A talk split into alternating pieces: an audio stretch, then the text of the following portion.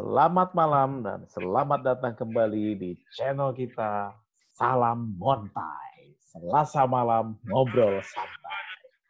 Sudah hadir malam ini seperti biasa saya, moderator Primo, yaitu Petek, kemudian ada Daung, Suka Bangun, Putat, dan Tenabang. Malam ini kita akan membahas sebuah film dari tahun 2019, film Korea yang mendapatkan Oscar, yaitu Parasite. Nah, saya sedikit cerita tentang film Parasite.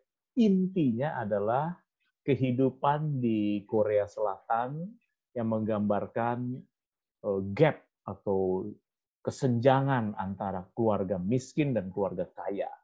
Di mana keluarga miskin yang disimbolkan oleh sebuah keluarga keluarga Kim tersebut bisa menjadi istilahnya parasit di dalam rumah keluarga Park, yaitu keluarga kaya, orang uh, bisnismen sukses di Korea Selatan. Keluarga Kim menipu keluarga Park dengan berpura-pura menjadi guru les, kemudian uh, bapaknya dibawa sebagai supir, ibunya dibawa sebagai asisten rumah tangga, dan kemudian anak perempuannya juga eh, sebagai apa guru ya? seni. Guru seni ya. Sebagai guru seni di dalam keluarga Park itu, tapi sebenarnya mereka menikmati fasilitas keluarga Park, rumahnya terutama sambil digaji juga. Nah, itu yang ceritanya disimbolkan sebagai uh, parasit. Padahal sebenarnya kalau dari sudut pandang kami, melihatnya bukan cuma si keluarga Kim yang menjadi parasit, tapi sebenarnya keluarga Park itu juga mengeksploitasi si keluarga miskin ini. Salah satu adegan yang paling kuat di film itu adalah ketika terjadi hujan deras. Hujan deras, banjir di kota itu. Kemudian ketika keluarga Kim yang lagi berkesusahan di rumahnya kebanjiran, keluarga Park semena-menanya minta tolong, ayo ke rumah saya, eh, bantuin beres-beres. Nah, itu adalah bentuk contoh bagaimana keluarga Park yang kaya raya itu sebenarnya kekayaannya ditop atau kenyamanan hidupnya ditopang dari keringat-keringat orang miskin di bawahnya. Betul begitu, abang-abang? Betul. Betul. Betul. Nah, Betul itu kan tadi sinopsis dari film Parasite itu. Tapi seperti biasa di dalam channel kita, Salam Montai, kita akan selalu menghubungkan sebuah film dengan topik-topik kekinian. Topik kita malam ini tidak lain tidak bukan yang sudah menjadi hits di Indonesia dalam beberapa hari ini, Anji Manji Manusia Parasit Indonesia. ya, kenapa? Kenapa? Kenapa kita keras terhadap anji-manji manusia parasit dari Indonesia ini? Karena dia jelas-jelas mengeksploitasi kebodohan orang-orang kita atau keluguan orang-orang kita untuk meningkatkan engagement dia di dunia maya. Gimana? Ada yang mau berpendapat nggak tentang topik kita malam ini? Ya, boleh lah. Eh, saya berpendapat dulu nih sebelum teman-teman yang lain nih. Jadi, kembali dengan saya lagi nih, Daung. Masa Allah. Jadi kalau menurut saya pribadi, uh, film Parasite ini rada overrated. Jadi ini pendapat pribadi, bukan sebagai pakar film. Saya kan orang biasa lah. Wah, wah, wah. Tapi menceritanya tetap menarik. Nah, salah satu unsur yang dibahas di situ kan ini ceritanya tentang social mobility atau kalau boleh kita analogikan secara kasar panjat sosialnya keluarga.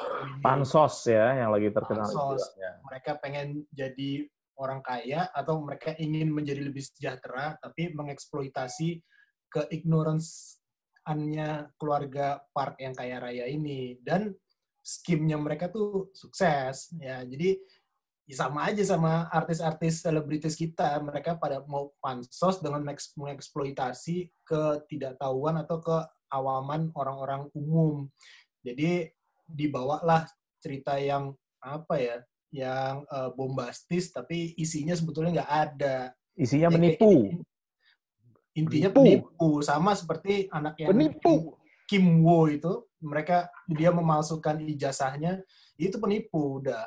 Yang begini-begini nih yang harus diberantas. Hmm, Jadi betul. peran kita sebagai apa tukang bicara di malam ini nih untuk membawa ke arah situ supaya mereka ini bisa dipertanggungjawabkan segala tindak tanduknya gitu. Dan untuk mencegah munculnya anji-anji baru atau parasit-parasit baru atau anjing-anjing baru.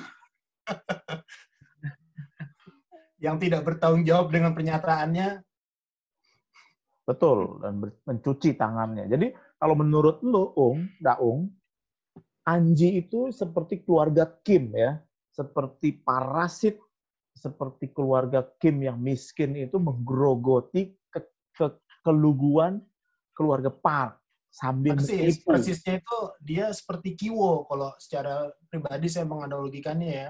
Jadi membohongi kita semua lah Hmm, memalsukan apa dikasih satu kesempatan kecil dari temannya untuk menjadi apa ya untuk untuk bisa kenal sama keluarga Park ini tapi dia me- mengabaikan atau menyalahgunakan kesempatan ini untuk sesuatu hal yang buruk menurut saya. hmm, bagus, bagus. Terima kasih Daung. Siapa yang lain yang punya unek-unek juga terhadap Anji? Ya silakan Saya, suka bangun, ngomong. Ya, ya sebenarnya ini agak berhubungan juga dengan tema-tema kita sebelumnya mengenai ilusi.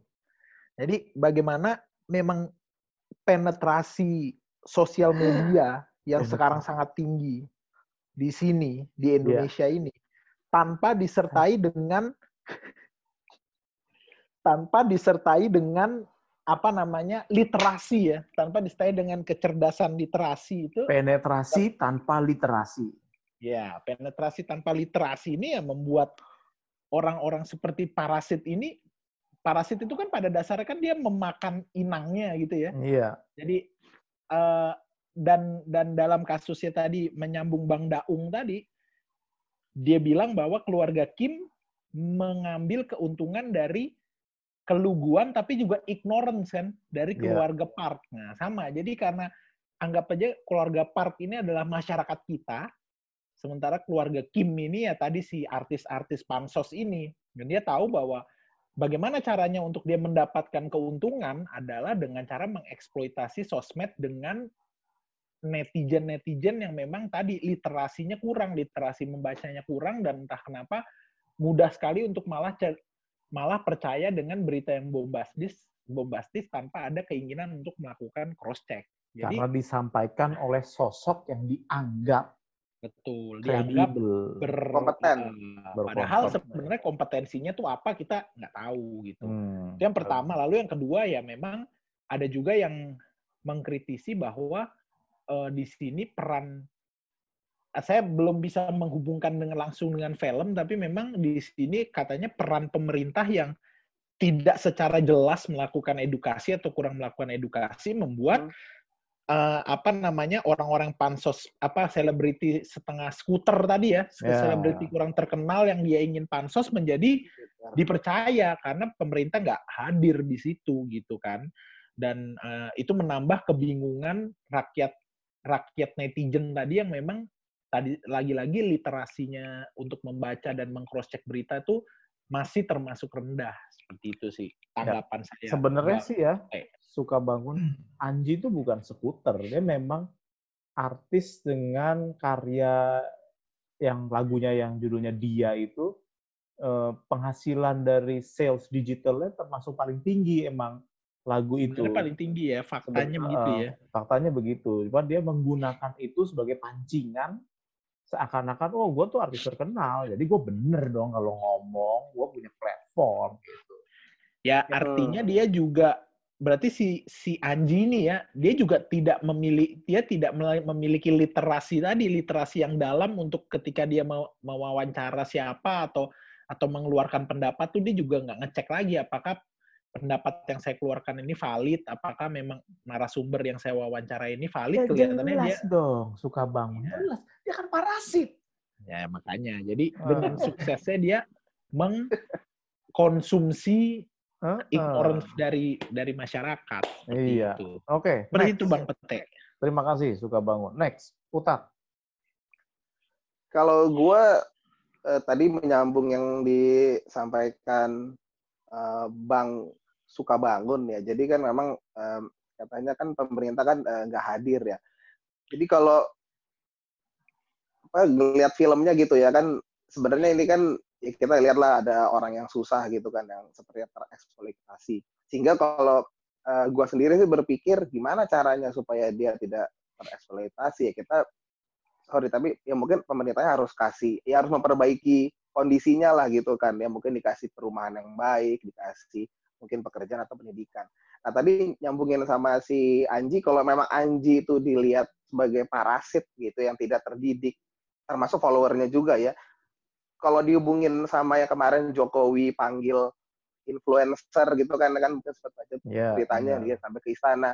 Agar satu pasti dia kan ingin memberikan uh, literasi kan terhadap masalahnya kan. Dan kedua agar dia dapat menyampaikan atau menggunakan uh, platformnya buat menyampaikan informasi yang benar. Jadi sebenarnya pemerintah itu sebenarnya udah nyoba nggak sih kalau uh, menurut lu pada nyoba buat apa namanya kasih kasih berita yang benar gitu tapi bukannya bang Pete izin Ya, Tapi bukannya si Anji termasuk yang di, diundang juga bukan ya kemarin iya. ya? Iya, yang makanya, makanya. Artinya, nah, justru. Bukan, artinya berarti apakah di sini pem, gini, apakah apa yang Anji lakukan settingannya dari dia datang ke istana dan di briefing, atau pemerintah yang tidak melakukan background check dulu terhadap orang ini gimana? Apakah jangan-jangan tim timnya pemerintah hanya lihat oh yang penting lagunya tadi terjual paling banyak, followernya banyak gitu kan? Padahal dalam sosmed follower banyak itu kita harusnya nggak ngecek hanya ke situ, kita harusnya mengecek backgroundnya lebih ke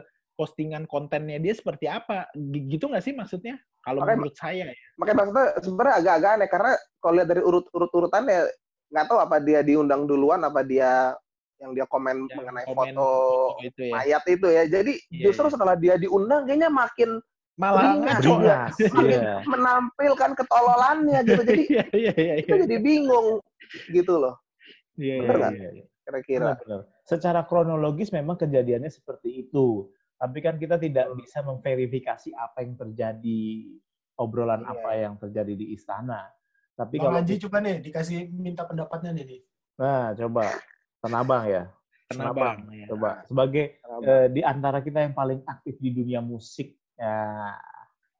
Dulu, dulu. Ya kalau nih ya kalau ada ngomong filmnya dulu nih ya. Ya. Filmnya itu ceritanya oke okay lah, ceritanya oke okay ya. Cuman nggak tahu kenapa ya ini pendapat pribadi gua nih, boleh dong ya pendapat pribadi boleh, gua. Boleh. Gua kurang boleh. enjoy nontonnya, kurang enjoy, kurang enjoy nontonnya e, gitu loh. Maksudnya kayak nggak terlalu wow lah gitu menurut gua. Jadi mungkin kesamaannya sama Anji ya sama. Gue juga nonton uh, YouTube-nya Anji gitu ya. Nggak wow juga, biasa Asik. aja gitu loh. Mas, malah ancur lah gitu ya. Videonya ancur-ancur lah gitu kan. Udah nyanyi, udah nyanyi. Lagunya nyanyi gimana? ancur gitu kan. Lagunya nggak ada yang terkenal. Kontennya juga, mau bikin YouTube kontennya juga nggak ada yang bagus gitu kan ya. Jadi ya agak 11-12 lah gue ngerasanya gitu loh. Nah, yeah, yeah, cuman kan iya. kita di sini nih ya, kalau kita lihat si masalah antara keluarga Park sama keluarga Kim nih, kadang-kadang kan orang uh, pasti akan bertanya dong, ini yang salah ini hmm. orang yang nipu apa orang yang ditipunya Ditipu. terlalu goblok nih? Ini yang salah yang mana nih gitu kan? Biasanya perdebatannya juga begitu kan. Iya. Yeah. Nah, kalau kita lihat juga gini, jadi kita kadang-kadang masalah terbelah nih, ini yang bego, yang bego nih ya maksudnya yang jahat nih si anjinya, apa masyarakatnya aja yang bego mau nonton gitu kan dan percaya gitu kan. Nah, cuman kan kita begini lah, kita nih nggak boleh, kita harus nggak harus dibiasain, kita nggak boleh nyalain korban. Dan menurut hmm. gua kan masyarakat di sini korban. Nah, si hmm. Anji itu kan nulis nih, nulis klarifikasi, dia bilang, ya Anda itu turut memberi panggung juga sama orang-orang kurang ajar emang dia manusianya tuh ya, bajingan dia. Tuh Anda tuh nonton nanti juga memberi panggung. Ini kan mencoba menyalahkan korban gitu kan. Iya. Ya, anda ini Anji kan Anda ini kan sudah punya itu ya influence ya maksudnya anda kan uh, pen, pen, pengikutnya banyak gitu loh ya anda punya kewajiban me, anda punya kewajiban memberikan informasi yang benar dan ya wajar aja ya kalau ada uh, lu apa uh, upload video ya banyak yang nonton ya wajar aja lah. Anda kan public figure gitu loh. Tapi kok anda menyalahkan korban di sini kan kayak ibaratnya menyal kalau dalam saya kita analogi nih ya ini kayak nyalahin korban pemerkosaan gitu Hmm. loh. Yang disalahin orang yang pakai pakaian eh, berpakaian seperti gimana Hmm. disalahin gitu. Nggak nggak fokus. Yang salah kan sebenarnya pelaku lah di mana-mana. Jadi sebenarnya si Anji ini ya gimana ya? Ya intinya ini bukan ngomong ke Anji nih ya tapi orang yang suka menyalahkan korban tuh ya ya anjing gitu kan anjing gitu loh Tapi tapi ya gue mendengarkan kalian ngomong ini, gue tambah kesel gue sama Anji beneran loh. Makin lama makin Emang, iya emang. Dan Ajar dia dia. bilang katanya harusnya Profesor Hadi Pranoto yang meminta maaf karena dia yang melakukan klaim. Nah, jadi eh ini baru ba- baru baca di di di di, di sosmednya beliau nih, sosmednya si Anji Manji ini ya. Dia nulis ada berbicara dengan orang pen, yang mungkin paling dicari di dunia Dicari. ini. Bayangin, dia bilang orang paling dicari di dunia paling, ini loh. paling itu kan superlatif ya, udah paling Iya. top berarti kan di atas. gitu. Aduh. Tuh, Memang berat. dua-duanya kayaknya agak agak ini sih agak ada gangguan kejiwaan. Jadi kalau di video itu ya, kalau di video itu kan kita perhatiin ya si siapalah itu si Hadi itu kan Heeh. dipanggilnya kan selalu prof prof gitu Prof, gitu ya. Iya, iya, iya, iya. Prof, prof. Hmm. Kalau orang waras nih, orang waras nih ya, tahu dirinya bahwa gue bukan profesor, dia pasti akan Mengkoreksi. Iya, iya, iya, dong, benar, sama benar, koreksi benar, kan, oh enggak saya bukan profesor, gini jangan panggil saya prof. Ini kan diem aja gitu loh, kayak kayak cool tapi seneng gitu. Nah, Sakit jiwa gitu kan. Sakit Ini kan. Slide ketiga, Profesor Hadi Pranoto adalah salah satu orang yang sepertinya paling dibutuhkan di dunia. Iya. Tapi Aduh. gini, tapi gini, ini ini agak sedikit out of topic, tapi seperti dibilang tadi oleh oleh penabang ya, ini menarik untuk membicarakan. Jadi saya pernah punya teman, eh bukan punya teman, jadi punya guru les. Hmm. Jadi guru les, guru les bass ya, Les bahasa Inggris. les bass waktu itu, les Namanya. Kim. Dia begitu eh, les sama dia, dia nggak pernah ngajarin apa-apa. Jadi nggak pernah diajarin teori apa-apa. Dia sukanya cuma main main lagu doang, main lagu. Terus gue disuruh ngiringin. Nah, Hmm. tapi sambil main lagu itu tanpa dia belajar teori, dia selalu cerita, oh ya sorry ya, saya nggak bisa lama-lama nih lesnya karena saya si- sedang sibuk ambil S2. Dia bilang gitu. Terus ya kan gue basa-basi kan, oh ambil S2 di bidang apa? Oh ini saya lagi ngambil di bidang hukum, di bidang eh, bisnis, sama di bidang tekno eh apa sih namanya kayak kimia kimia gitu lah itu gue agak lupa karena waktu itu gue masih SM, SMA lah masih SMA nah terus eh, akhirnya suatu hari pas datang ke les dia dibilangnya udah udah resign dari dari dari sekolah musik itu oh ya udah berarti udah gue nggak ketemu lagi dengan si guru bass itu tiba-tiba beberapa tahun kemudian eh, kebetulan bapak saya kan juga suka main musik ya di grup bandnya itu ada ada basis baru. Ya itu orang tadi. Ya, ya itu orang tadi. Jadi dia bilang, eh kita punya ini baru nih ya. Kebetulan kan apa namanya band itu bernama The Professor Band gitu ya. Jadi di dalamnya itu harus ada Profesor. profesor. Nah hebatnya orang ini kalau beberapa tahun yang lalu dia bilang dia baru S2, ketika masuk di band itu dia sudah menjadi profesor. Dan dia Hmm. dengan dengan jelas bilang bahwa dia tuh profesor, doktornya aja ada tiga, gelar doktornya itu ada tiga. Padahal tuh Kayak- sebenarnya bullshit, nggak nggak ada dia tuh nggak punya gelar apa pun, dia cuma Kayak orang temen biasa. kita ya. Kayak temen kita juga ada loh yang kuliahnya bergelar-gelar itu juga ada loh. Ya, tapi Ada. ada yang itu, tapi ini lebih lebih sadis lagi Itu baru itu baru gelar dokternya eh kalau dia ngakui gelar dokter tiga hebat kalau teman kita kan yang mau izin S1 doang tiga buat apa Iya, jadi Biar bisa jadi Jadi S3 buat apa? gimana sih? jadi dia Jadi gitu Bang S3. Petek. Jadi dan dia tuh Satu kali tiga. Dia benar-benar ngomong bahwa dia tuh punya gelar itu gitu dan dia bangga kalau dipanggil profesor profesor dia senang. Tapi pertanyaannya gini, sebentar, sebentar dulu. Pertanyaannya gini, dia tetap diterima nggak di band itu? tetap diterima toh. Ah, Bah, berarti ya, tetap diterima bah- Bang Petek. bahkan anggota bandnya itu yang sudah profesor aja masih bisa ketipu, Ketipu. sama profesor gadungan. Iya, Iya. gua tanya sama nyokap gua atas dasar apa ini ini orang nih diterima dalam band ini. Cuma ternyata dia tuh lebih ke karena band itu waktu itu nggak punya basis yang bisa available seperti orang ini. Jadi dan ternyata setelah ditelusuri bapak saya masih punya hubungan saudara dengan orang ini. Ternyata. Jadi mengalir di darah Anda. Berarti Iya. ACC-nya dari eh, bapak lu. Berarti.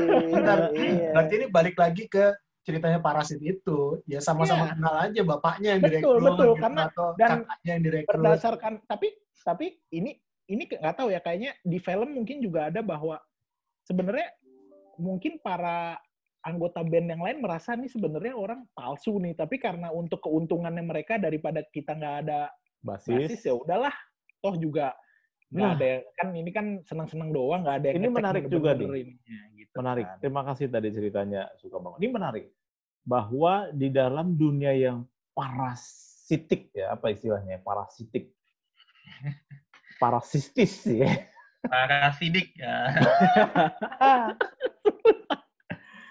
kan kayak simbiosis juga macam-macam kan ada simbiosis yang parasitik ada simbiosis yang mutualisme kan Iya. ada simbiosis yang sama-sama merugikan ya. entah kenapa kok bisa ada simbiosis yang sama-sama merugikan tuh eh, kesalahan Tuhan ketika ya? menciptakan makhluk itu adalah simbiosis yang saling merugikan apakah si keluarga Kim nah kita ngomongin film keluarga Kim dan keluarga Park itu sebenarnya saling membutuhkan ada yang bisa jawab nggak Kalau Oh, iya. menurut gua enggak. Kalau menurut gua Iya. enggak. Gue bang putar dulu, bang putar dulu. ya Bang Putat Kalau dulu. kalau menurut gua men- sa- saling mem- membutuhkan secara eh, spesifik orang sih enggak gitu. Karena sebenarnya kalau nggak salah ada contohnya ya yang eh, itu gampang gampang diganti kan yang waktu eh, drivernya nggak cocok atau lagi ada eh, problem langsung diganti ya kan. Hmm. Kalau yang saat ini gua ada anjing eh, berisik banget ya. Hmm. Lu denger nggak? Hmm. Oh iya, karena dari tadi kita ngomongin anjing. Maka teman-temannya menggonggong di luar. Iya. Benar, benar, benar. Jadi, ya jadi kalau misalnya dibilang membutuhkan personalan sih mungkin eh, nggak eh, spesifik karena mudah buat diganti gitu kan karena kerjaan kasar. Tapi memang kalau eh, apa namanya untuk keberlangsungan eh, kenyamanan keluarga itu memang sih kayak dia selalu butuh nih orang-orang buat yang melakukan pekerjaan-pekerjaan ini ya yang kotornya lah gitu ya. Iya. Kalau Hmm. tadi Daung, Kalau eh, basisnya keluarga Park itu kan dia kok basis sih? orang itu Oh, bass. Maksudnya bass. Eh, gue pikir Dasarnya. basis Iya, iya. pemain bass. bukan basisnya gurunya keluarganya Bang, Da- eh, Bang suka bangun ini. Iya, keluarga iya. Park ini kalau dia membutuhkan orang lebih ke kepercayaan. Jadi kalau dia sudah percaya sama satu, dia akan percaya yang diberikan orang tersebut. Hmm. Sebetulnya nih mekanisme yang banyak berlaku di banyak hal sih, termasuk di bidang bisnis, kerjaan, di bidang Hmm. pertemanan juga. Kalau kita tahu ini temennya dari temen yang kita percayai, kita lebih gampang percaya.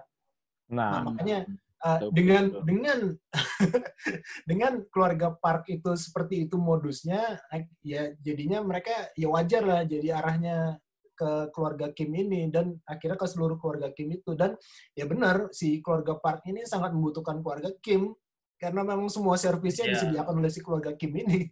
Hmm. Iya. Oh iya iya Kalau benar. saya ya ya silakan silakan Bang Tanah Bang.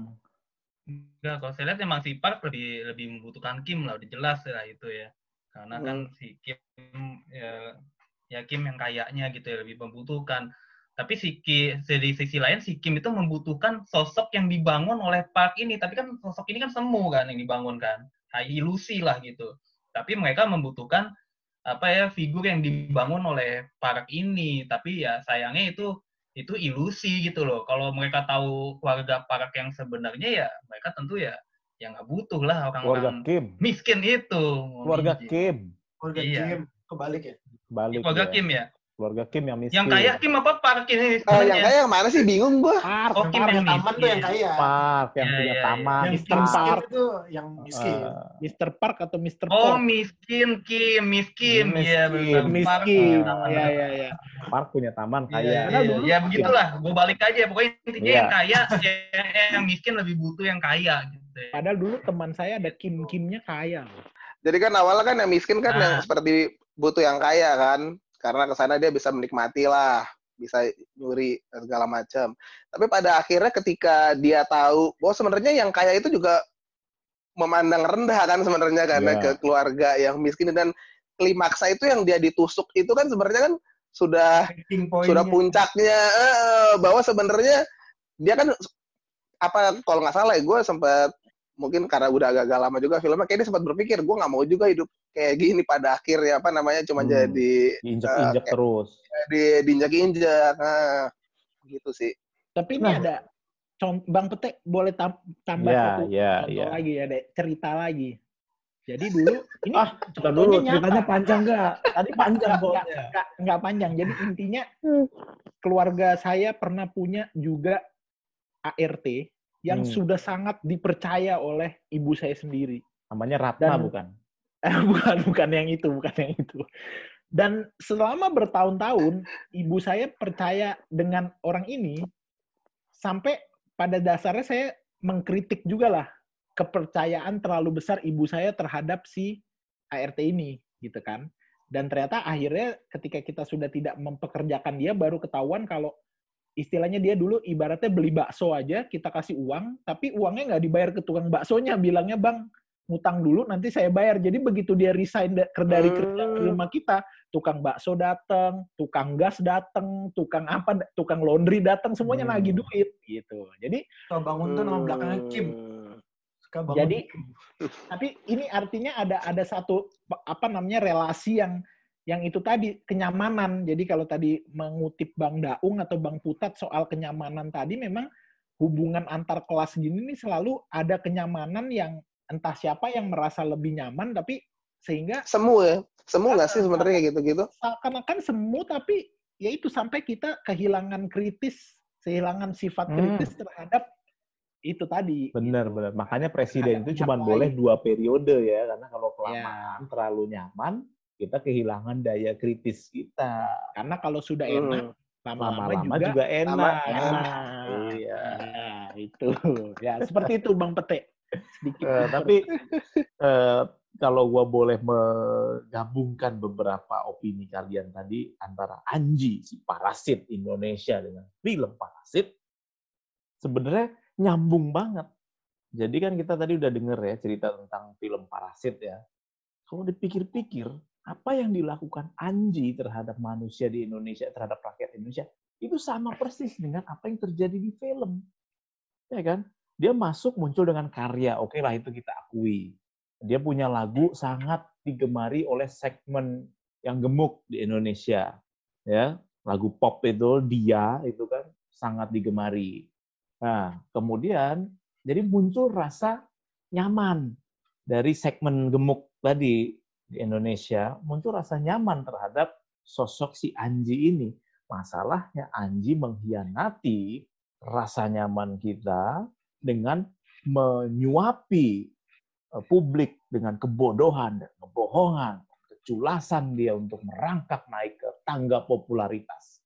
Ketika Iya, sudah betul. nyaman, banyak orang yang kehilangan daya kritisnya dia. Jadi tumpul gitu loh. Nah, persis juga seperti yang digambarkan di film, harus ada pihak yang selama ini dieksploitasi Anji melakukan apa yang dilakukan oleh Mr. Kim terhadap Mr. Park. betul harus dipancung kepalunya eh, kepalu Nah, kepalanya Punya, punya usulan lain. Apa? Trial by combat aja udah. Gimana? Apakah- gimana? Ini adalah kira-kira followernya perlu meng- menghukum dia secara sosial Nah, tahu. itu Tadi Tenabang. Tenabang tadi mau berpendapat. Hmm. ya nggak maksudnya dari dari film itu misalkan ya sa- sama dari kejadian Anji misalkan kita harus berpikir bagaimana kita kita nih yang ya rakyat biasa yang jadi korban nih kalau kalau di film itu si si siapa yang kaya Park ya Paham. Iya. misalkan gimana untuk supaya tidak tertipu lagi gitu kan dan kita juga gimana supaya nggak tertipu lagi.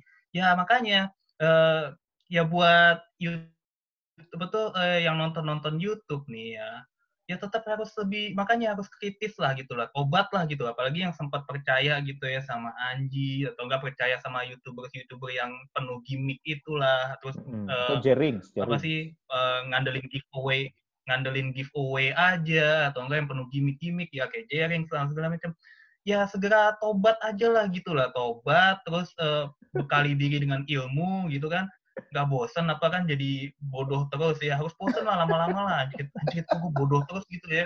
Harus harus inilah harus tobat lah. Ini bukan ini bukan menyalahkan korban ya tetap Iya, yang salah Iya. Anji tetap yang salah Anji. Cuman kan kita harus ibaratnya kayak kalau analogi lagi ke ke ya betul korban pemerkosaan gitu ya. Kita nggak menyalahkan eh, korban nih tapi kan kita harus em, yang korban harus belajar juga dong oh gimana nih gue cara menghindari eh, kejadian ini ke Iya, depannya gitu benar. dong bener kan dia nggak boleh ini kalau dia sampai mengulangi kesalahan yang sama ya ibaratnya tetap salah sih yang pelaku tapi kan eh, gimana ya kok dia gagal menghindari kejadian itu kan Nah. itu kejadian yang nggak enak dong pasti kan nah ini Benar, juga benar. ini juga seperti itu dibohongin kan nggak enak gitu loh dibohongin nggak enak kita kemudian maka itu kita harus berpinter-pinter lah ya kan eh kritis gitu terus ya udahlah isi konten apa tuh carilah konten-konten yang lebih berilmu lah gitu selesai lah sama yang gimmick-gimmick murahan gitu ya kan? Selesai lah sama sama apa sih ya cari gimmick lah sama eh, konspirasi lah apa-apa gitu udahlah selesai lah gitu loh. Gitu Tapi- sih harapannya. gue perlu perlu mengklarifikasi juga nih apa yang diucapkan Tanabang supaya kita juga tidak dihakimi oleh SJW SJW yang beredar di dunia maya bahwa eh, jangan pernah menyalahkan korban eh, tapi ada sempat gue sempat baca di Twitter tentang eh, psikologi kriminalitas atau apa gitu ya gue lupa bahwa salah satu permasalahan di dalam tindak kriminal itu ketika si korban eh, masuk ke dalam situasi yang dia tahu tidak ada jalan keluarnya. Jadi contoh misalnya ketika lo seorang perempuan, lo nggak mikir, eh, jangan jangan jangan bilang seorang perempuan ya, lo seorang yang Itu Iya. si suaminya si pembantu yang lama itu, dia udah masuk ke dungeonnya keluarga Park itu kan, udah nggak ada jalan keluar lagi dia. eh, tapi gue bukan pengen ngomongin itu, ntar dulu, sabar bang, sabar. Gue tadi pengen mengklarifikasi supaya kita tidak victim blaming kan di dalam kasus perkosaan yang dianalogikan oleh Tanabang. Jadi ketika Iya. misalnya eh, bukan salah korban, tapi harusnya korban juga belajar. Eh, itu bukan menyalahkan. Gue setuju dengan apa yang kata Tanabang. Itu bukan menyalahkan karena memang ada kondisi-kondisi tertentu yang secara logika atau secara pengetahuan umum, lu nggak boleh masuk ke dalam suatu situasi yang lu tidak Udah punya lah. Heeh, jangan punya kayak misalnya iya ketika lu diajak oleh seseorang ya nggak usah perempuan ya ketika di antara kita diajak oleh orang yang kita tidak terlalu kenal ke suatu ruangan yang kita tidak tahu jalan keluarnya kita Ya. tidak punya akses terhadap bantuan iya secara instingtif harusnya kita menghindari itu karena Iya, apabila benar. terjadi sesuatu kita nggak Iya. punya eh, exit Iya, plan kayak gitu Ya, Jadi- misalnya contohnya gini aja sih, Tom. Kalau memang perkosaan agak sensitif ya, tapi kalau semua orang tahu lah maksud gue ya, gue nggak victim blaming. Tapi gini deh, misalkan kita di- takut dipalak nih, ya kan? Kita takut dipalak nih, gitu loh. Ya, ya yang yang salah kan pasti yang malak lah, kriminal kan gitu loh. Iya, Dong benar. kita, tapi kan kita waspada. Nah, itu doang. Kita harus waspada dong. Kita harus menghindari eh, risiko-risiko yang ada karena kan eh, orang jahat ini kan nggak mikir ini dia salah apa enggak gitu loh iya kita masuk ke daerah rawan gitu misalkan sendiri malam-malam ke jalan buntu. Ya, ya kan ya matilah kita gitu loh. Iya. habislah kita pulang telanjang gitu kan. Nah ibaratnya gitu loh eh, analoginya gitulah. Oh, yang walaupun kita kita nggak salah karena Kita kita, ya salah. yang yang salah tetap yang yang ngerampok kita gitu kan. Tapi ya kita setidaknya waspada gitu loh. Nah ini dalam arti juga para penonton YouTube ini nah ini kewa- kewaspadaan ini yang mau gua bangun gitu loh. Waspada lah lu ketika lu nonton segala macem terus kalau emang udah udah udah nggak masuk akal udah tinggalin gitu loh. Maksudnya lelah lah jadi goblok gitu loh. Lelah lah jadi bodoh aduh. Kenapa gua Nah, kok gua betah ya bodoh. ya Bang- gua bosen lah Bang bodoh, Tenabang, gitu. Hmm. Bang Tenabang, sedikit menanggapi kata Abang Tenabang, yaitu tadi masalahnya, kalau benar kita pikir, ah lelah lah jadi bodoh harus kritis, tapi masalahnya dia tahu nggak kalau dia itu sedang dibodohi. Itu, consciousness itu tuh ada apa tidak? I- itu yang kayaknya masih harus kita bangun dengan kita ngomongin soal literasi tadi itu. Nah, Karena dari literasi itu membangun consciousness kan, membangun kesadaran, ya bisa gitu kan. Tapi masalahnya sekarang literasinya aja masih kurang sehingga orang-orang seperti Mas Anji ini leluasa untuk mengeksploitasi daerah ini gitu kan apa namanya Iya. bagian itu Ini tadi. kondisi Nah, yang makanya- sama seperti yang digambarkan di filmnya itu. Di film Nah, makanya inilah tujuan podcast ini adalah mengutuk kebohongan Anji itu. Jadi orang pada tahu, oh bohong tuh gitu loh. Mendingan dengerin podcast kita nih kayaknya Nah, ilmunya benar. gitu Mendidik, kan. Benar-benar. edukasi. Tadi Benar. apa? Daum, Daum pengen ngomong tentang filmnya. Ah, iya, jadi apa eh, analoginya benar sama sama di keluarga yang di Parasit ini. Apa eh, keluarganya Park ini menganggap pendidikan itu ting- penting ya. Makanya dia men- mengeleskan anak-anaknya. Tapi terutama yang nggak cukup juga, mereka yang udah berpendidikan tinggi tetap bisa dibohongi juga. Apalagi yang orang-orang yang pada cuma nonton YouTube doang. Apalagi Hmm. mereka nggak lebih gampang lagi dibego-begoin, yang disebarin informasi nggak jelas di WA grup keluarga, Hmm. langsung disebarin ke keluarga yang lain. Hmm. Banyak yang kayak begini. Yang WA. keluarga yang ter- terdidik seperti si Mr. Kim ini aja Mr. bisa Park. abai, apalagi yang Mr. Park. gitu. Yang terdidik seperti Mr. Park. Yang terdidik Iya, seperti Mr. Mr. Park. Itu aja WA bisa grup. lolos gitu. WA grup keluarga itu memang salah Parasit. satu tempat yang harus diwaspadai itu memang. Parasit. Karena itu. kayaknya hoax itu banyak Oke, oke. Seru banget ya pembicaraan ini ya, karena kita semua punya rage, punya amarah yang membuncah kalau kata suka bangun terhadap kita nggak kita nggak memvilifikasi satu sosok ya seperti Anji ini enggak karena dia hanya eh, puncak gunung es bener gak? Iya kan?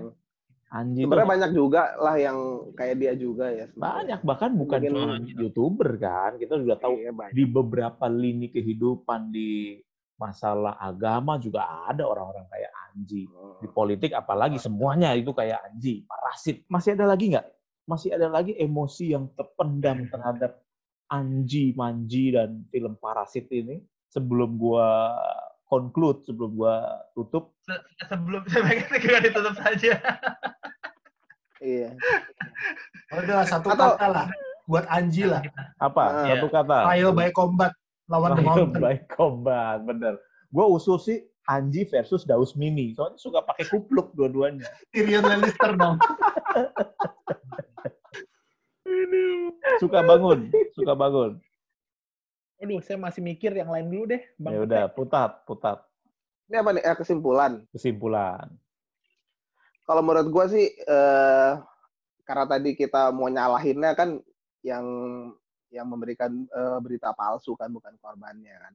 Jadi memang kalau menurut gue jika memang kita punya apa punya eh, sosial media gitu, kalau memang kita tidak eh, capable atau tidak memahami eh, isu, menurut gue nggak usah lah menjadikan itu sebagai eh, apa platform buat eh, menyampaikan satu ide ya. Ini bukannya menentang freedom of speech ya, tapi coba dipahamin dulu deh eh, isinya gitu ya sehingga ketika kita menyampaikan banyak orang yang dengar itu ya isinya benar gitu dan enggak dan enggak menimbulkan kegaduhan gitu ya itu sih paling Saya Oke. Bang Pete. Bang Pete. Oke, suka bangun. Nah, dari beberapa kali pembicaraan kita ini saya menjadi ada satu nilai yang saya ambil dari waktu kita dulu les.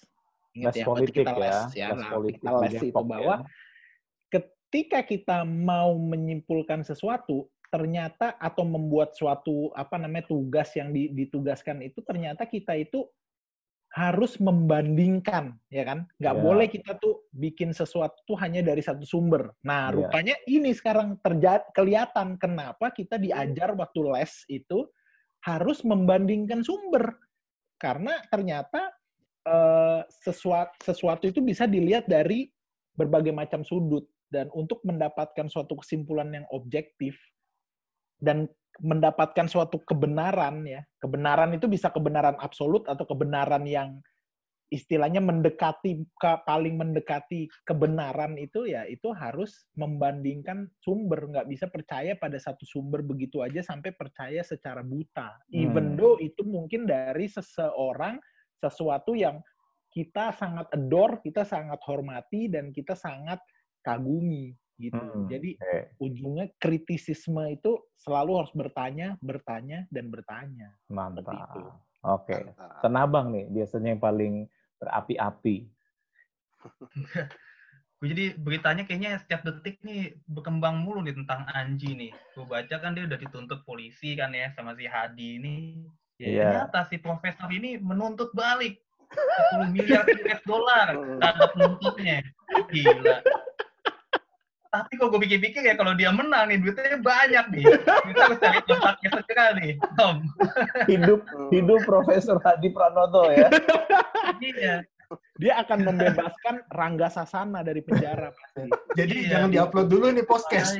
Tunggu hasilnya. Iya. Nanti kita iya bener. Jangan dulu kita lihat tuh perkembangan kasus hukumnya gimana nih. Oh iya bener Tom. Kita semua ini parasit Oh iya. ya. Jangan-jangan kita malah dituntut nanti. Pete, Eh. abang pete. Nggak apa-apa. 10 miliar dolar kan? US dollar ya. Apa-apa. Oke. Ya udahlah, ya udah gitu aja lah. Tutup aja lah apa teh, daripada kita makin emosi kan nih. Ya kan? Heeh. Kita rusuh Oke. nih nanti. nih. Oke, oke. Ini aduh makin panas ya bang, bener. Tapi sebagai penutup, sebagai penutup, gue pengen menyimpulkan dari teman-teman semua, udah pada nggak usah gue ulang lagi.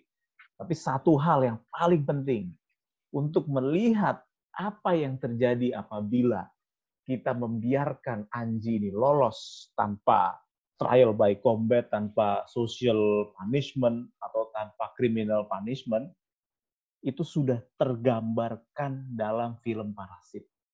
Pada satu titik akan terjadi chaos. Kalau misalnya kenyamanan atau eh, door, tadi kalau kata suka bangun, pemujaan, kenyamanan, itu menumpulkan kritisisme, itu akan menimbulkan chaos. Meskipun kesannya kita menikmati, meskipun kesannya Mr. Kim, eh, keluarga Kim menikmati eh, hasil menyedot kekayaan Mr. Park, tapi ternyata ada yang nggak bisa digantikan, yaitu harga diri. Sekarang itu pertanyaan kita kepada para pendengar dan pada masyarakat secara umum. You Harga masih diri punya lu harga mana? diri nggak? Gitu kan? Iya. Mau-maunya digoblok-goblokin sama Anji ataupun siapa pun lah yang nanti ada di masa depan. Hmm. Bangkitkan harga Segera- diri itu. Betul. Tobat nasuha gitu loh. Tobat nasuha segera. Bagus ya memang eh, Bang Pete nih kesimpulannya ya. Eh, Bulannya terima cocok kasih. ya Iya, jadi jadi moderator Cocok ya. ya. Itulah kenapa Iya. saya nggak mau lanjut sekolah lagi. Takut nanti jadi tambah Pinter. Oh, iya benar. Apalagi kalau ambilnya jurusan les ya, benar-benar. Iya. Baik, eh, terima kasih sudah meluangkan waktu mendengarkan celotehan sampah dari manusia-manusia sampah Indonesia. Sampai jumpa di minggu depan dengan film-film lain dan dengan topik-topik kekinian lain di acara kita bersama Salam Ngontai. Selasa malam ngobrol santai. Ngobrol santai. Goodbye. Bye. Goodbye. Eh, Bye-bye. Bye.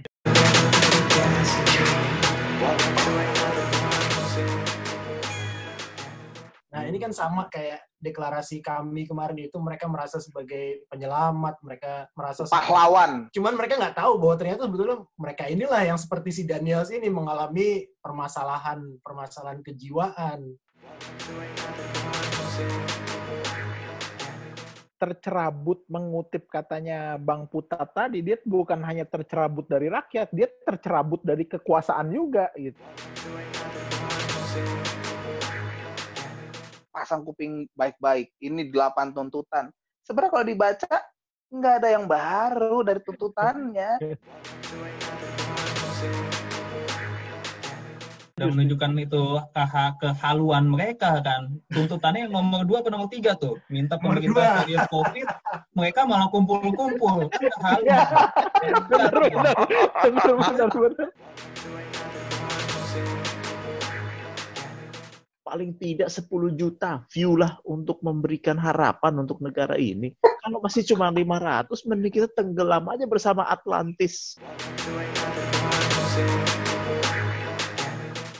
Selamat Ya. malam dan selamat datang di Salam Ngontai. Sambil menyelam, ngobrol santai. Malam ini kita akan membahas sebuah film. Lagi-lagi dari duet maut Leonardo DiCaprio dan Martin Scorsese. Dengan judul yaitu Bang Daung. Silakan, judulnya apa? Oke, yang kita bahas eh, kali ini adalah Shutter Island. Iya, Shutter Island. Nah, biasanya dalam acara-acara Salam Ngontai kita selalu hubung-hubungkan sebuah film dengan fenomena-fenomena terkini. Fenomena apa yang mau kita bahas? Apa, Tanabang, fenomenanya yang mau kita bahas? Kita mau bahas fenomena di Indonesia, yaitu di deklara ada baru-baru ini kan sejumlah tokoh deklarasi yang namanya kami nih, Koalisi Aksi Menyelamatkan Indonesia. Nah, ini yang kita akan bahas nih kali ini. Nah, kita akan bahas atau akan kita cerca habis-habisan ya. Betul. Mungkin sedikit buat buat teman-teman yang belum nonton, mungkin belum nonton atau sudah lupa ceritanya. Si Leonardo DiCaprio itu jadi orang yang namanya Teddy ya. Teddy siapa? Di Daniels. Teddy Daniels. Nah, ceritanya dia lagi naik kapal menuju sebuah rumah sakit jiwa yang ada di suatu pulau untuk mengusut hilangnya seorang pasien yang juga adalah pembunuh. Tapi twist dalam film itu ternyata si eh, Teddy Daniels itu adalah pasien juga di rumah sakit tersebut yang sedang diobati dengan metode-metode yang eh, baru yaitu role playing. Nah, tapi kalau dari film yang menceritakan tentang delusi atau ilusi atau penyakit kejiwaan, hubungannya apa dengan para tokoh-tokoh Indonesia yang mendeklarasikan koalisi aksi menyelamatkan Indonesia? Mungkin ada yang mau chip in dengan sebuah Ya. ini. Boleh Bang eh, Pete. Ya. Eh, Oke, makasih kesempatannya Bang Pete ini. Film ini eh, film ini eh, kolaborasinya DiCaprio sama eh, Scorsese yang ketiga terbaik menurut saya setelah eh, Wolf of Wall Street sama Departed. Wow, memang Bang Daung nih persiapannya begitu matang ya. Nah, Selalu. Di, di film ini tuh yang bikin menarik itu kesannya si tokoh utamanya ini si Daniels ini dia menjadi juru selamat atau dia punya peran sebagai jagoan gitu loh. Tapi ternyata kita tahu di twist akhirnya itu ternyata ya dia itu sebetulnya bermasalah, orang-orang bermasalah. Nah, ini kan sama dengan yang kayak deklarasi kami kemarin itu mereka merasa sebagai penyelamat, mereka merasa sebagai- Pahlawan. gitu. Cuman mereka nggak tahu bahwa ternyata sebetulnya mereka inilah yang seperti si Daniels ini mengalami permasalahan permasalahan kejiwaan yang jadi kalau mereka sendiri mah nggak tahu. Kalau kita yang nonton tuh kan kelihatan banget kesannya mereka tuh udah delusional banget gitu loh. Langsung to the point ya, Bang Daung malam Langsung ini. to the ya. point. Eh, bahwa Bang Daung sangat kasar ya kok didengarnya sampai hatinya hati gue sakit dengernya loh. Kita tuh kalau olahraga itu kan perlu pemanasan dulu, Bang Daung. Iya. Jangan langsung, Iya. jangan langsung digas. Harusnya ada foreplay, harusnya ada foreplay dulu nih, harusnya ada foreplay dulu. Ini Iya. nggak pakai foreplay nih. Coba mungkin lama kagak nonton gue filmnya. ada yang Ya. mau ada yang mau oh, tenang ngomong kalian lanjutin aja kali ya, karena udah panas gitu kan. udah panas Iya. ini langsung Karena Udah, udah. keadaan sudah semakin panas. Eh, Iya iya. Buka celana.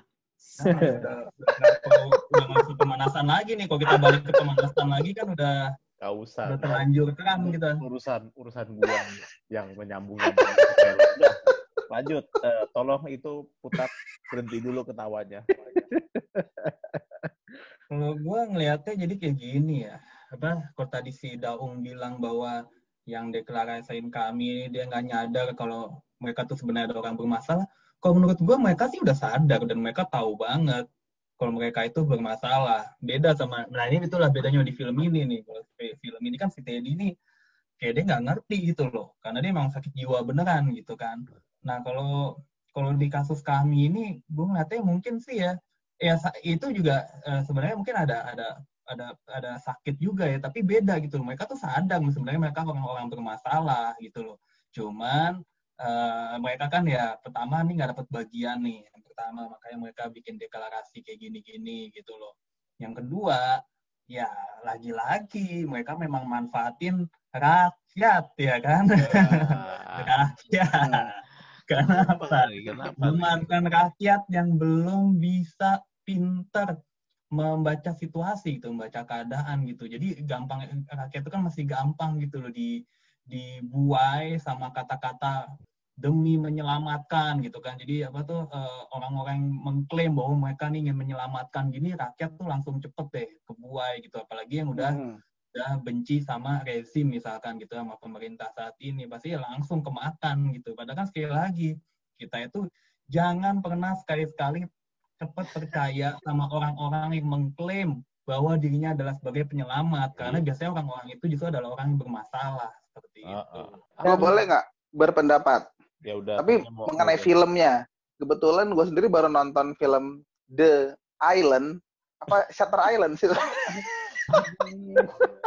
Aduh. ya bukan bener bener. Aduh, Kebetulan- Bang Putat. Kebetulan gue baru nonton Shutter Island baru hari ini gitu ya. Dan yang membedakan sama waktu gue nonton eh, apa eh, Parasite, kalau nonton Parasite gue berada di ujung tempat duduk kayak wah ada apa lagi nih gitu, on the edge gitu. Tapi kalau nonton ini gue malah di paling belakang karena gue ketakutan. Ini filmnya serem banget kalau menurut gue. Depresi gitu. Emang ada ini ya, ada ada aroma-aroma ho- horor dan depresi ya, bener-bener kelam. ya, Iya, kelam. meni- meninggalkan jejak yang nggak enak gitu di eh, kepala. Ini cuma cerita sedikit sih, apa namanya mengenai film itu. Tapi tadi mau lanjutin yang Bang ah karena Bang eh, apa namanya sempat bahas mengenai eh, apa namanya dia memanfaatkan rakyat gitu kan. Jadi memang kalau kami ini kan sebenarnya kan elitis gitu karena dia kan menganggap dirinya elit. Makanya dia berani muncul. Yang dijual nama kan tokoh-tokohnya yang dijualkan A, B, C, D, E gitu kan. Padahal sebenarnya dia ya seperti halnya elit lainnya dia sebenarnya tercerabut kan dari rakyat yang dia wakilkan. Sebenarnya dia kan juga tidak mewakili siapa-siapa kan di situ. Dia mengatasnamakan berbicara atas nama rakyat. Padahal dia sebenarnya juga nggak ada kaitannya dengan siapa yang dia sedang bela gitu. Jadi memang ini sih eh, setuju tadi yang dibilang sama Bang Daung atau Bang Tanabang. Memang ini cuman ini aja dia karena ditinggalkan karena nggak dapat kue, lalu dia mau mencoba berisik lah. Kalau yang Hmm. gue lihat sih kayak begitu. tercerabut mengutip katanya Bang Putat tadi, dia bukan hanya tercerabut dari rakyat, dia tercerabut dari kekuasaan juga gitu. Jadi dia mereka-mereka ini memang aksi cari panggung sih sederhananya sih. Cuma mereka sekarang belum punya ap, satu tokoh yang memang akan secara frontal melawan Jokowi. Jadi ini sekarang dia membuat satu gerakan aja dulu lah, gerakan yang nggak tahu nih apakah gerakan ini dia maksudkan untuk nanti bisa menjadi gerakan Apa? akar rumput dan segala macam atau seperti apa gitu. Wah, wah, wah. Oke, oke, oke, oke. Kita kembali lagi ke filmnya ya. Gue merangkum apa yang tadi teman-teman udah bilang. Emang yang paling keras di dalam forum kita malam ini adalah Daung. Langsung Hmm. point bilang itu orang-orang halu, orang-orang ilusional. Eh, ilusional, delusional. Kalau teman-teman yang lain nih agak soft nih sebenarnya nih. Emang masih bilang bahwa eh, rakyat atau misalnya orang cari panggung, orang cari kesempatan. Nah, pertanyaan gua, mereka tuh halu beneran atau enggak sih? Ya ini loh apa wacananya itu jelas halu gitu loh. Tapi ya mereka tahu mereka sendiri itu memang tidak ada kualitas juga dan adalah orang-orang bermasalah mereka tahu gitu loh. Cuman memang mereka membangkitkan apa sih? Mereka tuh ngejual ke rakyatnya tuh seolah-olah tuh mereka tuh halu gitu loh. Jadi kita nganggepnya nih orang yang orang yang mengerti ya pasti kan ng- nganggepnya wah ini orang halu banget sih nggak ngaca apa gitu. Pasti langsung gitu komentar ke kita kan pertama kali gitu loh. Cuman kan Jadi lagi kalau- lagi Iya, kalau rakyat Kalau yang sudah- rakyat sudah biasa halu, nih, iya, Memang Iya. akan jadi halu gitu. jadi halu. Setuju, setuju bang. Benar. Setuju bang, benar bang. Istilahnya kalau sudah halu, lama-lama juga halu. gitu. Halu. Cuman emang ya, kalau misalnya ya, coba deh lihat deh sama tuntutan-tuntutan tuntutan mereka kan mereka kalau baca beritanya kan pasang kuping baik-baik. Ini delapan tuntutan. Sebenarnya kalau dibaca nggak ada yang baru dari tuntutannya, nggak ada yang apa ya, nggak ada yang bikin seseorang tuh harus mendengarkan atau memasang kuping baik-baik ini cuma cerita-cerita lama doang. Malah sebenarnya tergolong normatif gitu ya Hmm. cuma normatif hanya mengingatkan. Jadi sebenarnya memang kalau dibilang eh, apa tadi ingin menyelamatkan Indonesia menyelamatkan seperti apa dengan hal normatif seperti itu gitu kan. Kalaupun mereka memang ingin serius menyelamatkan kasih satu ide atau satu apa namanya satu Gebrakan, masukan yang yang benar eh, yang real bukan Ya, cuman gitu-gitu doang. Karena memang kalau lihat dari delapan ini melanjutkan Bang Putat ya dari delapan poin itu kayak dari poin satu aja sudah sudah agak nggak jelas soalnya gitu kan pengelolaan negara yang tidak menyimpang dari jiwa semangat nilai pembukaan UD 45 yang bla bla bla bla itu Yeah. selalu diberlakukan kembali itu apa ya aduh sesuatu yang yang apa namanya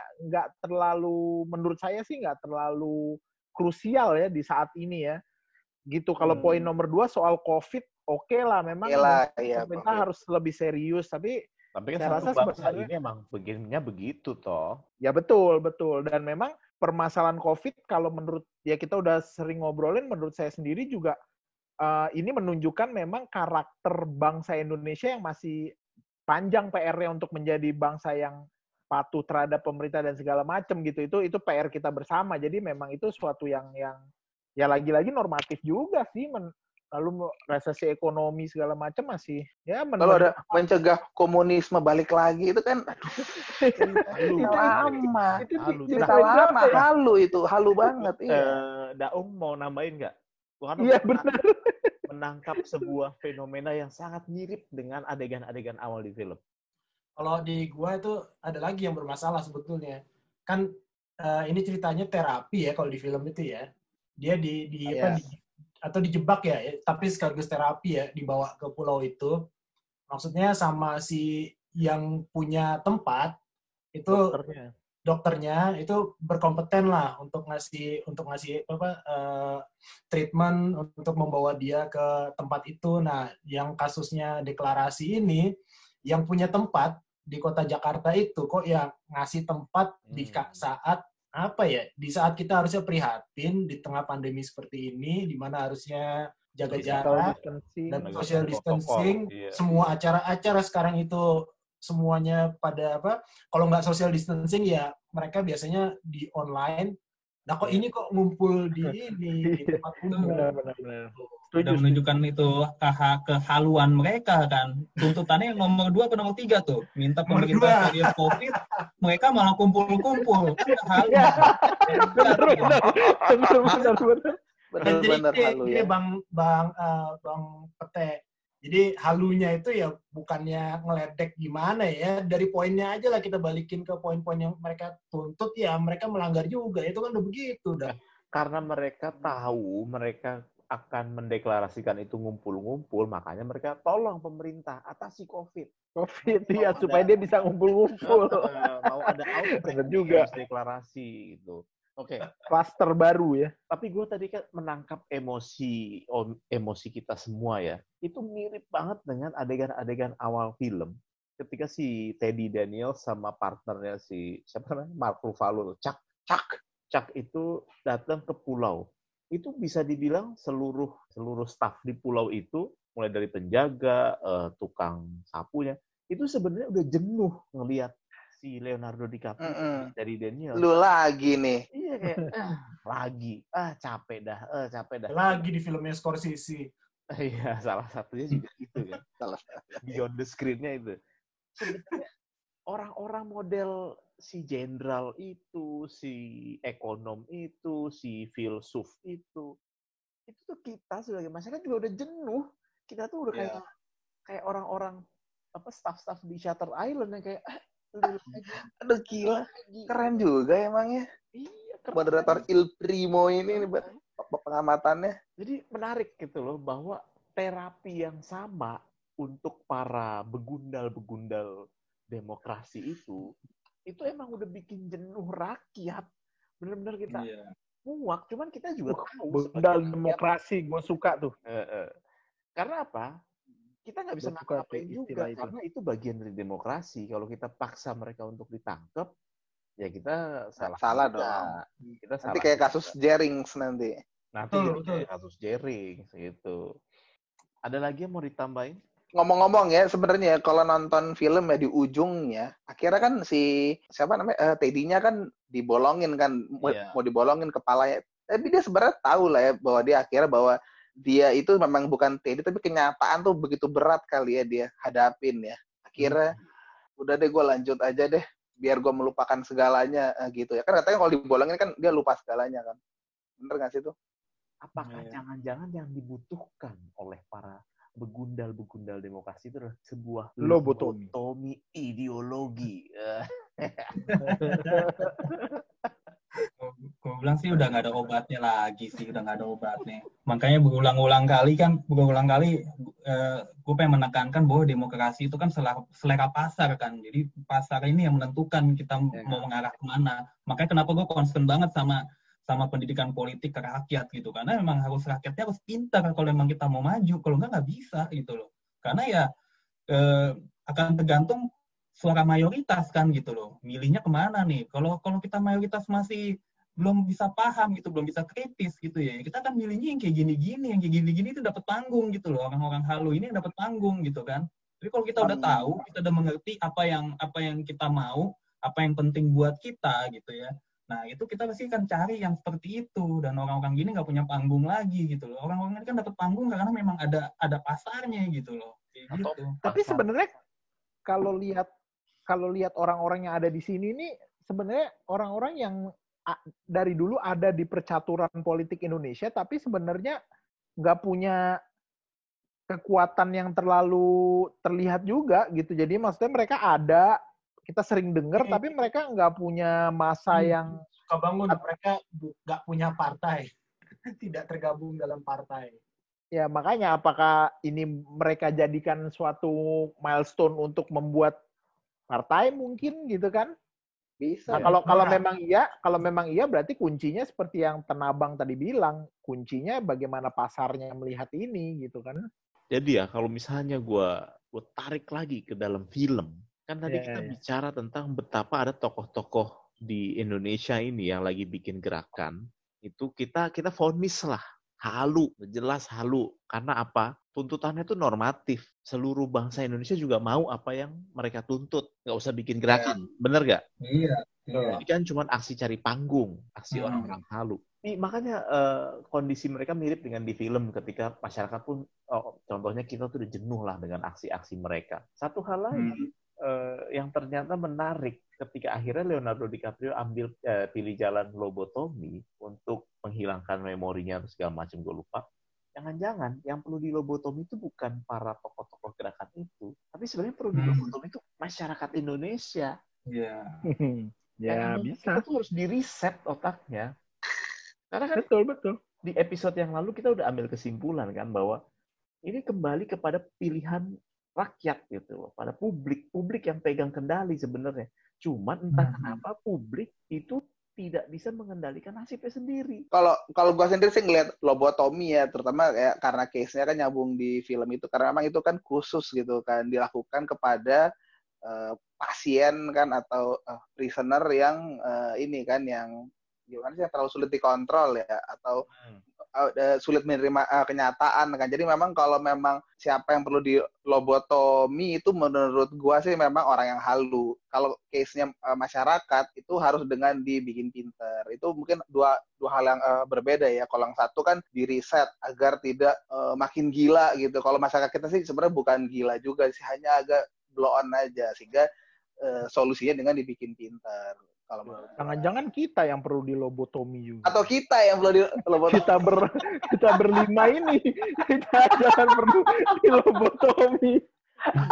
Jangan-jangan kita halu. Iya. Jangan-jangan orang-orang di gerakan kami itu orang-orang baik semua gitu. Kita yang jadi- halu gitu kan. Kita di iya iya iya iya ya jadi kalau kita melihat dari perspektif yang lain gitu ya. Meskipun kalau kita hubungkan sama film tadi orang-orang udah bosen dengan role play-nya si si Leonardo. Tapi karena dia ada di rumah sakit jiwa memang yaitu sesuatu yang sebenarnya dalam tanda kutip lumrah terjadi di situ gitu kan. Itu memang mekanisme yang berjalan di sana.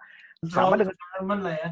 Nah, sama dengan kita, kita udah bosen dengan tingkahnya para politisi ini, tetapi itu memang suatu hal yang lumrah terjadi di dalam negara kita yang memang sistem politiknya demokrasi yang memungkinkan untuk hal itu gitu. Jadi memang ini sesuatu yang membosankan, tetapi uh, kita tetap butuh kecerdasan untuk melihat dari segala sisi seperti itu. Tapi memang ini ini sangat membosankan gitu. Tapi kalau gue sih sekali lagi mungkin ya kalau udah mau uh, konklusi nih ya, kembali lagi pada rakyat ini memang uh, lagi-lagi gue menyoroti rakyat lah, karena memang kuncinya di situ gitu loh.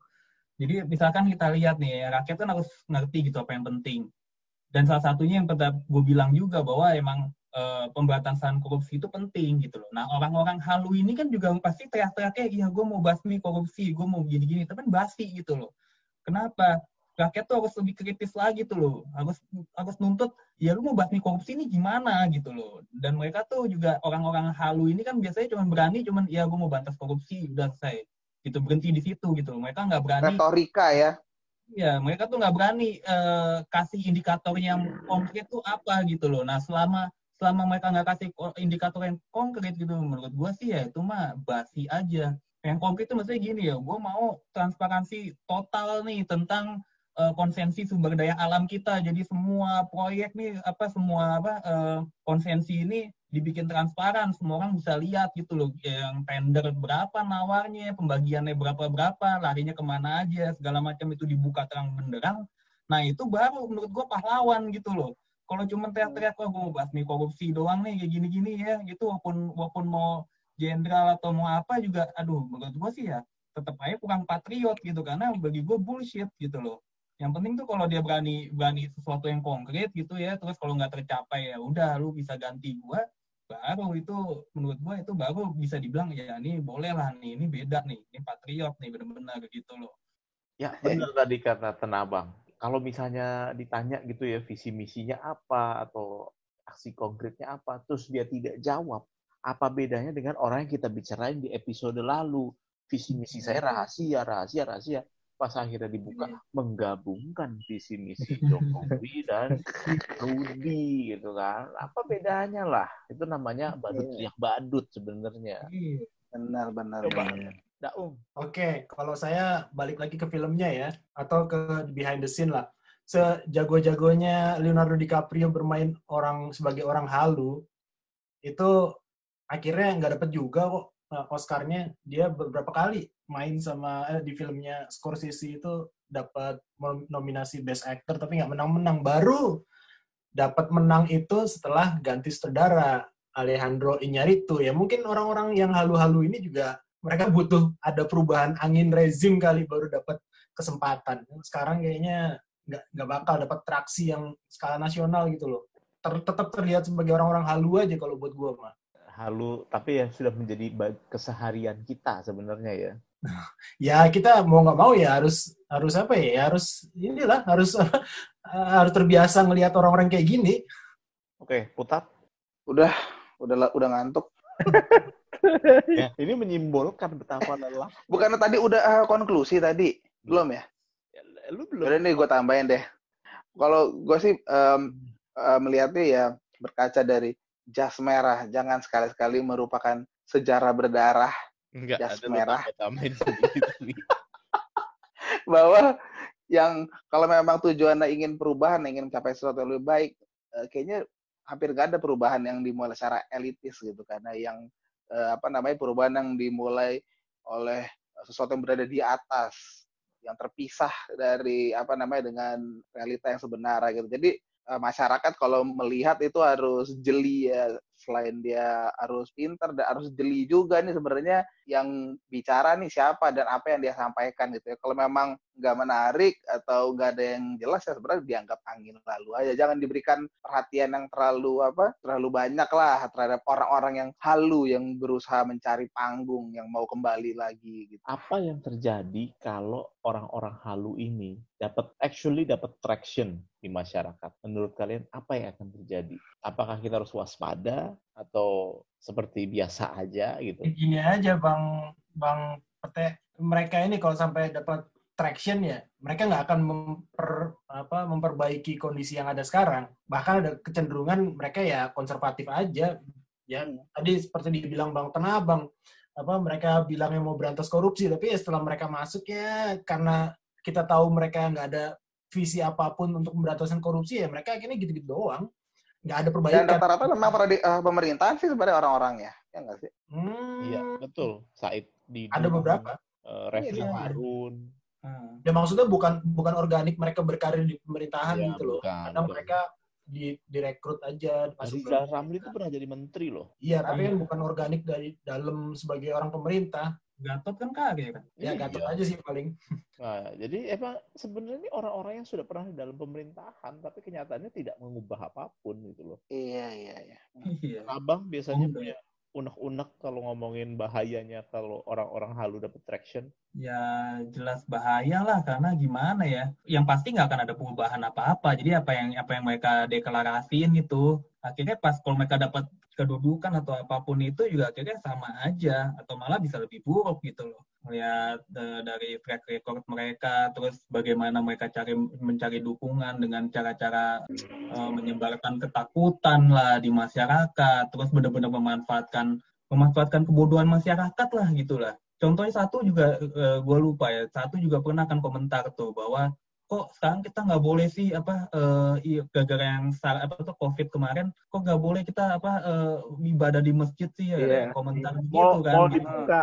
Iya, itu kan pengen banget memanfaatkan kebodohan kelompok suatu kelompok masyarakat gitu loh, bener-bener di, di, dimanfaatin banget gitu loh. Padahal kan eh, dia ngomong begitu berdasarkan apa gitu loh. Kalau dia udah punya dia punya eh, eh, emang udah punya data-data dari dari ahli medis gitu ya bahwa itu nggak apa-apa eh, beribadah di di tempat ibadah gitu ya dia boleh deh ngomong deh ini kenapa nih dilarang-larang gitu tapi ini kan nggak ada dasarnya sama sekali gitu loh bayangin aja kalau rakyatnya dengar gitu ya karena dia elit terus percaya terus kena eh, meninggal jadi korban gitu padahal tanggungannya masih banyak ya dia kan mencelakakan rakyat gitu aja kan Ya nanti yang disaranin pemerintah lagi sama dia. Kok jadi mirip Anji ya? Lama-lama apa Anji halu juga ya?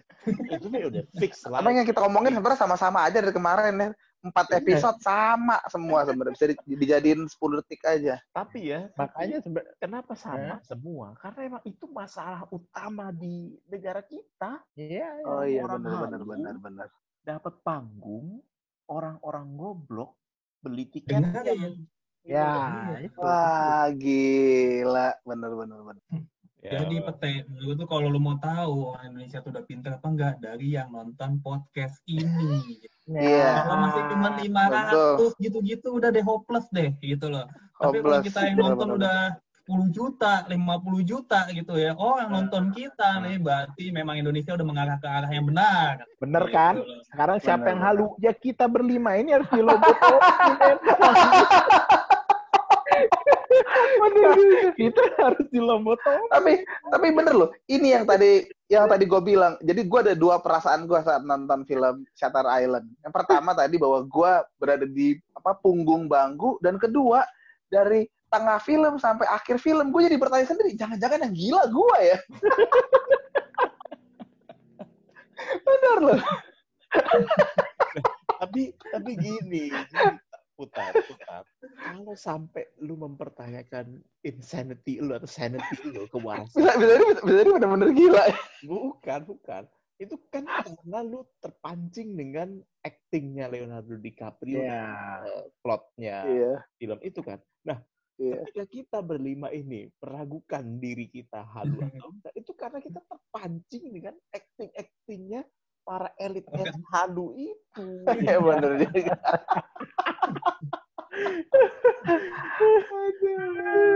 Jadi film kesimpulannya gue singkat aja deh karena udah banyak tadi diomongin ya. Film Shutter Island itu adalah sebuah karya yang tepat untuk menggambarkan fenomena elit-elit halu di Indonesia. Iya keren keren Oke, demikian kesimpulan episode kali ini dan ingat para pendengar, pesan dari kami adalah satu, jangan ikutan gila. Hanya karena melihat tingkah laku para elit-elit itu, Anda-anda ini pendengar-pendengar kami yang pintar, Ya. yang tercerahkan, please jangan ikutan gila. Itu aja pesannya, hanya satu. Terima kasih. mantap Jangan lupa subscribe. Jangan lupa Iya. subscribe dan tekan lonceng. dan like Eh, Ya betul. Untuk menjaga kewarasan bangsa kita, tadi seperti yang Bang Tenabang udah bilang, paling tidak 10 juta view lah untuk memberikan harapan untuk negara ini. Kalau masih cuma 500, mending kita tenggelam aja bersama Atlantis. Sampai jumpa di episode Salam Ngontai berikutnya. Sambil menyelam, ngobrol yeah. santai. Bye. Ngobrol santai. Bye. Bye. Bye.